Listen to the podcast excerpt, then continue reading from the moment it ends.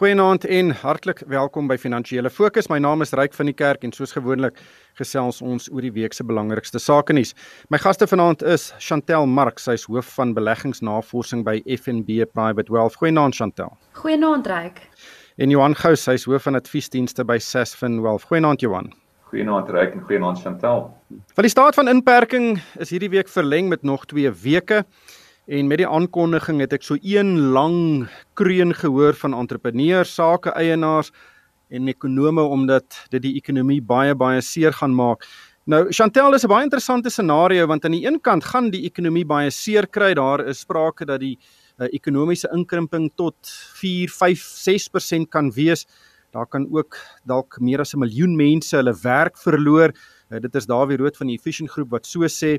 En aan die ander kant sal 'n ontploffing van COVID-19 in Suid-Afrika, soos wat ons gesien het in Italië, Spanje en Amerika, 'n uh, geweldige uh, lewensverlies meebring en dalk groter skade aan die ekonomie meebring. Uh, dis 'n moeilike een.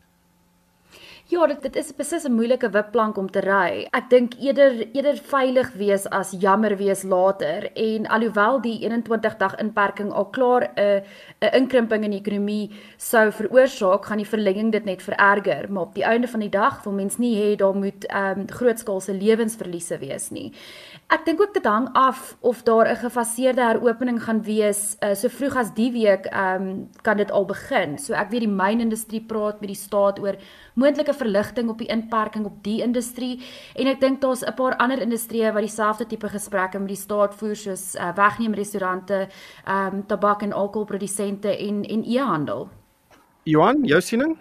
Wel reik ons weet dat elke dag wat hierdie verlenging uh, nou voortgaan, weet is daar eksponensiële addisionele skade op elke vlak in ons ekonomie. En as jy kyk in die finansiële krisis uh van 2008-2009 het Suid-Afrika omtrent 850 000 werksgeleenthede verloor en eers in 2019 het ons in die privaat sektor weer teruggekeer na die vlakke van indiensneming wat ons gehad het in 2008 en 2009. En ek dink hierdie keer definitief gaan die impak groter wees van die ekonomiese inkrimping gaan groter wees. Nou ryk, wat gebeur as jy nie 'n inkomste het nie? Jy kan nie spandeer nie, jy kan nie jou skuld terugbetaal nie of dit nou jou motor of huis of 'n persoonlike lening is nie jy kan nie jou premies noodwendig uh, betaal op jou mediese, jou korttermyn of jou lewensversekering en jy kan ook nie jou huishouding aan die gang hou nie. En dit lei op die einde van die dag weer tot druk op die fiskus. Daar gaan sosiale probleme geskep word. Die wat het, die wat nie het nie, daai gaping word groter. En uit 'n sosiale spanderingsoogpunt uh, wat die regering dan sal moet uh, daai gaping sal moet vul, gaan dit net verdere druk op die fiskus plaas. Ja, Chantel en dit is een van die groot risiko's is die fiskus. Uh die regering het reeds nie geld nie en daar's nou al baie sprake dat ons dalk binnekort voor die deur van die IMF e gaan staan en dit kan interessante gevolge hê vir Suid-Afrika. Hoe, hoe ver dink jy is ons van daardie gebeurtenis of gebeurlikheid af? Ja, kyk, ek dink nog nie ons is op 'n plek waar ons 'n tradisionele reddingsboei nodig het nie. Daar's omtrent 'n biljoen dollar beskikbaar vir gesondheidsbesteding wat die staat kan kan leen onder kondisies soos wat ons op die oomblik in is. So wat dan gebeur is dat ons kan hierdie geld leen teen 'n baie lae rentekoers, so baie laer uh, rentekoers as wat ons self kan geld leen wat 'n klein bietjie verligting sal gee en die IMF e sal dan nie inmeng by die werking van die staat nie. Maar as die situasie vererger, dan gaan mens moet gaan vir 'n tradisionele reddingsboei en die probleem is dan dat die IMF e vir jou gaan sê presies wat jy met daai geld moet doen en hoe die staat sy geld moet spandeer. En alhoewel dit in prinsip goed klink want mens voel swaalf dat dat die staat nie nie altyd die regte besluite neem nie. Oor die algemeen is lande wat onder die IMF werk onder ongelooflike druk en hulle ekonomie krimp nog meer in as wat dit sou gedoen het sonder hulle inmenging. Maar Johan, nee, ek wil net sê, jy weet, ek dink voor die COVID krisis het ons al eintlik laas jaar al het ons begin kyk na ons fiskale situasie en gesê maar is uh, dit nie moontlik dat ons dalk éventueel by die IMF of Wêreldbank uh, gaan moet aanklop nie en ek dink met die impak wat die COVID krisis of pandemie nou op ons ekonomie gaan hê hierdie jaar kan ek nie sien dat ons dit gaan vermy nie en meneer Mboweni uh praat nou al al hoe meer van die moontlikheid dat ons wel daarna sal moet kyk. Die vraag is waarvoor gaan ons vra as ons na die IMF of Wêreldbank gaan en watter terme so Chantal sê sal ons die hulp op ontvang? En ek dink 'n ander alternatief wat natuurlik dan nou weer na die oppervlak kom is om weer te gaan kyk na die kwessie van voorgeskrewe bates wat 'n baie emosionele kwessie is Maar ek dink binne perke is dit nie 'n slegte idee nie want dan plaas dit ons ten minste bietjie meer in beheer van ons eie toekoms. Maar ons sal moet bereid wees om ons trots in ons sak te steek en die finansiële hulp deur die IMF en die Wêreldbank te oorweeg um, as ons ons ekonomie dalk weer vinniger op 'n pad van herstel wil kry. Ja, ek dink is onverwendbaar. Ek dink uh, volgende jaar gaan ons 'n begroting sien waar die tekort noord van 10% is. Ons gaan sien hoe staatsskuld as 'n persentasie van die BBP uh, amper 90% gaan wees en die beursie is leeg. Dit gee vir die regering geen fiskale ruimte om enigsins enigiets te doen nie. Maar, maar Chantel is daar enige ander alternatiewe as die IMF? Kyk, ek weet hulle het gaan praat met die ou BRICS bank. Ek dink hulle noem dit die die New Development Bank. En dit lyk asof Suid-Afrika by hulle gaan geld leen ook teen 'n ongelooflike lae rentekoers. Op die einde van die dag, al gaan jou skuld op, solank die skuld teen 'n baie lae rentekoers kom, bly dit um, 'n um, bietjie meer van 'n realistiese toestand as wat mens self gaan leen teen 10, 11, 12% 'n jaar. So hulle het daai opsie en dan het hulle ook 'n opsie om na die Wêreldbank toe te gaan. Ehm um, in terme van van besteding gaan hulle dit moet aangaan. Ehm um, as mens gaan kyk na na hoe jou BBP uh, bepaal word. Huishoudings gaan definitief nie die besteding dryf hierdie jaar nie. Die privaat sektor gaan dit nie dryf nie.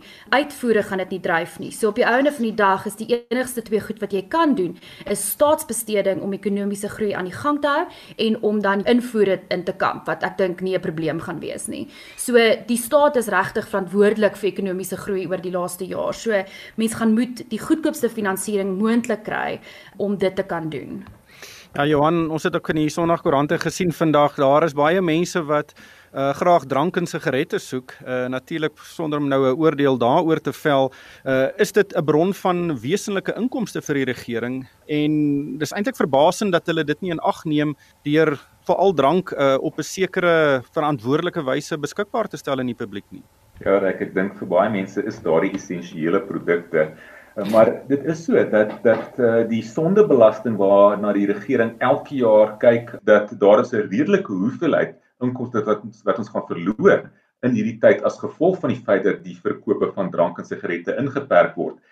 En ek dink weer eens soos op baie ander uh, vlakke in in ander industrieë en ander tipe van produkte en dienste moet ons dalk wel gaan kyk of ons nie wel van hierdie produkte en dienste op 'n meer veilige manier wel kan begin beskikbaar maak nie. Chantel, nog 'n groot impak gaan wees op klein en middelslag ondernemings. Ek sien daar is 'n uh, peiling gedoen onder klein en middelslag ondernemings. Die uitslag was dat 73% van ondernemings dink hulle gaan nie 'n 3 maande inperking kan oorleef nie. En as 73% van Suid-Afrika se klein ondernemings vou, gaan dit 'n geweldige slag wees. Ja, kyk, hierdie is 'n ongelooflike groot kontantvloei probleem vir klein besighede, veral vir klein kleinhandelaars en en restaurante en um, ander besighede in die toerisme sektor uh, byvoorbeeld. Op die einde van die dag as jy vir 'n maand lank geen kontant inkry nie, is dit baie moeilik om om hier te betaal. Dis moeilik om jou verskaffers uh, gelukkig te hou. En wat mense hier gaan nodig hê, is dat alle partye basies na die tafel toe gaan moet kom en gaan moet besluit wat is die beste manier hoe ons hierdie klein besighede deur die volgende uh, 2, 3, 4 maande kan kry sodat hulle nie hulle deure sluit nie. Want dit is in niemand se belang vir klein besighede om te likwideer of om bankrot te speel nie. Dis nie goed vir die banke ja. Nie dis nie goed vir hulle verskaffers nie en is ook nie goed vir hulle kliënte nie. En miskien om daarbey aan te heg, jy weet, ek dink wat besig is om te gebeur op die oomblik. Jy weet, ons het lank gepraat oor die feit dat daar meer moet gedoen word om klein besighede te bevorder in ons ekonomie. En weer eens dink ek wat besig om te gebeur is, die COVID-19 pandemie is besig om die agenda van die regering bietjie te skuif. Daar's 'n klomp goed op die agenda gewees wat lank oor gepraat is, maar niks aan gedoen is nie. En ek dink een van die kwessies wat nou definitief sterker uh, na vore toe gaan kom, saam met goeder soos byvoorbeeld om die breëband spektrum te vergroot en addisionele kapasiteit uh, in die inligtingstegnologie area te skep, gaan ons ook begin moet kyk na hoe gaan ons meer 'n omgewing skep waar dit baie meer vriendeliker is vir klein sake om te groei en om te kan oorleef. Ek dink dis die teorie, maar al wat ons nou sien is dat die privaat sektor planne maak om die klein ondernemings te red. Ons het nou hierdie donasies gesien van die Oppenheimer familie en van die Rupert familie, uh, Patrice Motsepe en Sandam het ook bydraes gelewer.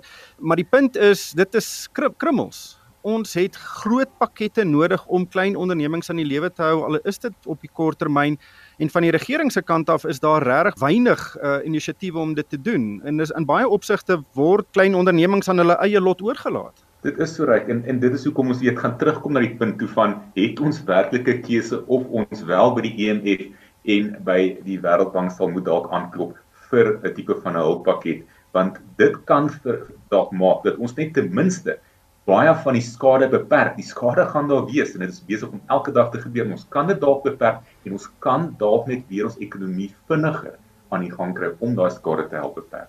Ja, Chantel, een van die dinge wat eh, 'n uh, groot uitdaging is op die oomblik is moet klein ondernemings huur betaal of nie. Uh, ons het nou toegewings gesien van die bedryf wat sekere verligting bring vir die korttermyn huurverpligtinge van klein ondernemings, maar nou hoor ons daar's groot ondernemings wat sê hulle gaan nie huur betaal nie want hulle het nie sake gedoen nie en ek kan dink dat enige klein onderneming gaan dink, "Jene, as hierdie ouens dit nie betaal nie, hoekom moet ek dit betaal?" Ja, kyk, en hierdie is presies waaroor president Ramaphosa gepraat het donderdag aand en ek weet Cuba Naidu van die uh, Reservebank het ook vra gevra hier oor laas week. Die probleem is dat as jy kan hier betaal en nie hier betaal nie, veroorsaak dit 'n kettingreaksie wat baie negatief is vir die langtermynvolhoubaarheid van die ekonomie. So die kleinhandelaar betaal nie die eiendomsmaatskappy nie. Die eiendomsmaatskappy kan nie sy rekeninge betaal en sy verskaffers betaal nie en hy kan dalk nie sy leningsdiens by die bank nie en so voort en so aan. So op die einde van die dag gaan daar een of ander tipe van 'n kompromis aangegaan moet word. Um veral wanneer dit kom by besighede wat nog hulle verantwoordelikhede kan nakom. Daar moet spasie geskep word deur die groot ouens om die klein ouens deur hierdie tyd te help. Op die einde van die dag gaan jy die klein klein handelaars baie skade aandoen. Um as hulle forceer word om hier te betaal tydens hierdie tyd en as 'n groot uh, klein handelaar sit jy terug en jy sê ek is jammer, ek's uit. Johan, hoe dink jy gaan hierdie uitspeel? Sê nou maar ons sien nou in 2020 'n negatiewe groei van 5, 6, 7% wat 'n uh, natuurlike slag gaan wees vir ons ekonomie. Hoe dink jy hoe vinnig kan ons herstel daarvan? Ryk, ek dink die feit is ons het strukturele probleme in ons ekonomie gehad na 'n geruime tyd. Ons het die laaste 10 jaar gesien waar die res van die wêreld gegroei het en ons het nie. Wat nou besig te gebeur is daardie strukturele probleme word net vererger. Uh, die skade is net soveel groter nou. So my gevoel is dat ons gaan 'n baie lang stadige herstel sien en as ons gelukkig is, kan ons weer oor 2, 3 jaar in 'n posisie is waar ons onsself basies nou bevind het net voor die krisis en dan hopelik van daar af kan ons met 'n sterker strukturele ekonomie van daar af begin groei. Chantal, hoe sien jy dit? Ja, kyk, ek dink ook dit gaan 'n lang, stadige, moeilike pad wees. Ek dink wel dat daar is twee positiewe wat mens moontlik kan wegvat hier uit. Ek dink die staat word forceer om die strukturele probleme wat in ons ekonomie is aan te spreek en iets daaraan te doen en mense kan ons klaar sien dat daar 'n verbetering is um, op daai vlak soos wat Johan genoem het. En dan dink ek dit is maar 'n vreemde manier om daar te kyk, maar ek dink Eskom het bietjie asem gehaal gedurende hierdie tyd. Ek weet hulle het hulle het bietjie gewerk aan van hulle kragopwekkers wat wat oud was en waar hulle dringend aandag aan moes gee. So hopelik sal ons ook nie 'n probleem van uh, beerdkrag hê vorentoe of beerdkrag op die skaal wat ons vir die laaste paar uh, jaar gesien het nie en dit behoort dan ook te help met ekonomiese groei vorentoe. Maar ek stem saam, hierdie gaan 'n lang paadjie wees en ek dink nie ons gaan op dieselfde vlak terugkom oor die volgende 3 jaar nie ek dink die boodskap is dit gaan lank en swaar wees en en 3 jaar is 'n lang tyd vir 'n ekonomie. Uh, Johan, die rand het hierdie week ook baie interessant uh, gebokspring. Uh, ons was maandag op die swakste vlak ooit bykans R19.40 teen die dollar. Tans is ons so rondom R18 teen die Amerikaanse dollar.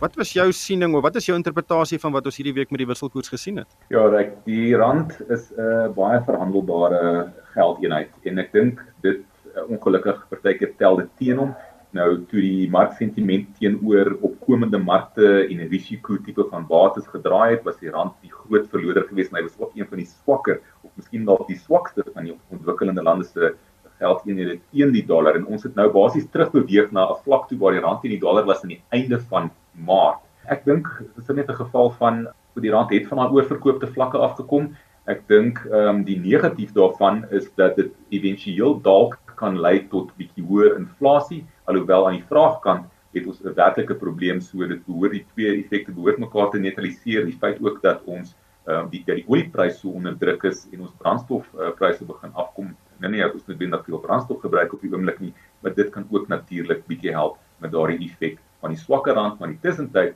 as jy buitelandse beleggings het, dan op hierdie stadium het jy ten minste daardie beskerming gehad van 'n randverskanse.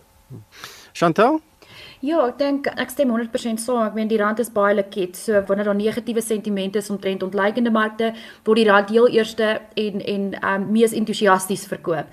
So ek dink ook daai daai terugkomslag was maar as gevolg van die feit dat die rand bietjie oorverkoop was. Ek dink oor die volgende jaar of twee gaan mense nog 'n verdere versterking in die in die rand 10 teen 1 sien na meer regverdige vlakke toe. Ek dink dit is dalk ook 'n kans om te gaan kyk na jou buitelandse beleggings en te dink daaraan om 'n bietjie geld terug te bring Suid-Afrika toe, want as die rand versterk dan wil jy ook nie ehm um, dat wil wees ook nie noodwendig aan daai kant van die verhandeling wees nie. Ja, ek sien ook die goudpryse het hoogtepunt bereik uh, bykans 1700 dollar 'n fyn ons. Ek sien ook olie uh, 28 dollar 80 op die oomblik. Uh, so dis weer aan die regterkant van 30 dollar. Maar Johan, 'n uh, onderwerp wat ek dink bietjie stil geraak het die afgelope week of wat uh, is rentekoerse. Natuurlik het die Reserwebank reeds die rentekoers met 1 persentasiepunt gesny so 3-4 weke gelede en daar was sprake dat hy baie vinnig daarna weer die rentekoers sou sny, maar dit het 'n bietjie verdwyn. Dink jy daar is nog ruimte met 'n rand van R18 uh, teen die dollar vir die Reserwebank om die koers verder te sny? Ryk, ek dink uh, ons het definitief nog ruimte vir 'n uh, verdere verlaging. Ek dink amper nie ons het 'n keuse as om ons rentekoers nog verder te verlaag nie. Die feit dat in die uh, ontwikkelde wêreld rentekoerse basies op 0% is, skep nog vir ons 'n bietjie ruimte want ons rentekoerse plaaslik is nog steeds baie aantreklik vir buitelandse beleggers. En ek dink ons gaan tog 'n bietjie van 'n terugkeer sien van beleggers belangstelling spesifiek in ons effekte maar oor tyd, spesifiek ook nou die feit dat ons ons graderingsklaar afgraderingsklaar gehad het en ek dink definitief uh, as ons gaan kyk ook na die inflasie vooruitskattinge dan lyk dit tog of die Reserwebank wel die ruimte het vir 'n verdere verlaging van ten minste nog 1%. Chantel, dink jy daar is nog ruimte? Ja, kyk, ons het 75 basispunte ingesluit vir die jaar, so 0.75% vir die res van die jaar. Ehm um, ek stem 100% saam met saam met Johan, die feit dat ons rentekoerse nog redelik hoog is relatief tot die res van die wêreld, gee vir ons daai spasie en ek dink aanvraag in die ekonomie is so swak dat inflasie behoort um, mooi binne beheer te bly. Ja, nog 'n 1 persentasiepunt verlaging is 'n wesenlike verlaging. Dit gaan amper 'n 20% verlaging wees van koerse. Johan en baie mense is afhanklik van rente, so dit sny baie skerp na afgetrede mense toe, maar ek dink ondernemings gaan glimlag en mense moet daai balans kry. Ryk ongelukkig is dit so, dit daar's twee kante aan hierdie saak. Die mense wat so afhanklik is van hulle inkomste gaan ongelukkig in 'n lae rentekoersomgewing bietjie swaarder trek, maar aan die ander kant kyk ons na wat ons vroeër gepraat het, jy weet, ehm um, die kontantvloei impak op klein besighede, entrepreneurs, huishoudings, dit kan dalk net help dat mense wel ten minste nog 'n premie kan betaal, 'n uh, weet 'n uh, verband kan betaal ensovoorts en uit massiewe skuldvlakke kan daai situasie kan probeer vermy vir die langtermyn. Ongelukkig het tyd ons ingehaal. Baie dankie aan Chantel Marx, sy's hoof van beleggingsnavorsing by FNB Private Wealth en ook Johan Gous, sy's hoof van adviesdienste by Sasfin Wealth. En vir my ryk van die kerk, dankie vir die saamluister en ek hoop almal het 'n gesonde week.